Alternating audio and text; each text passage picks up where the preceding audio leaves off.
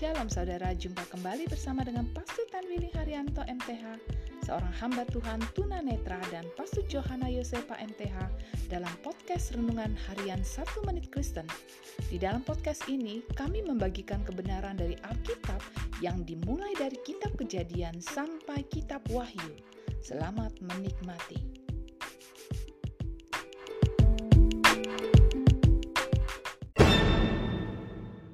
Shalom saudara berharga di mata Tuhan, senang dapat jumpa dengan saudara.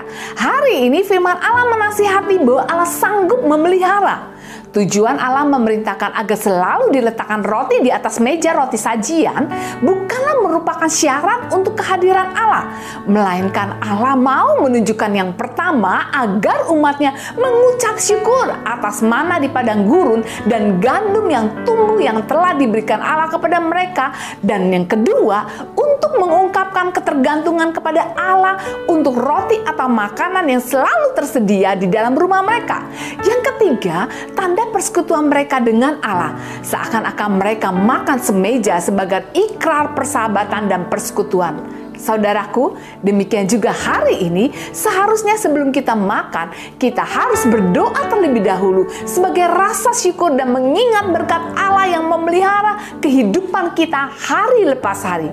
Untuk itu, marilah kita berdoa sebelum kita makan.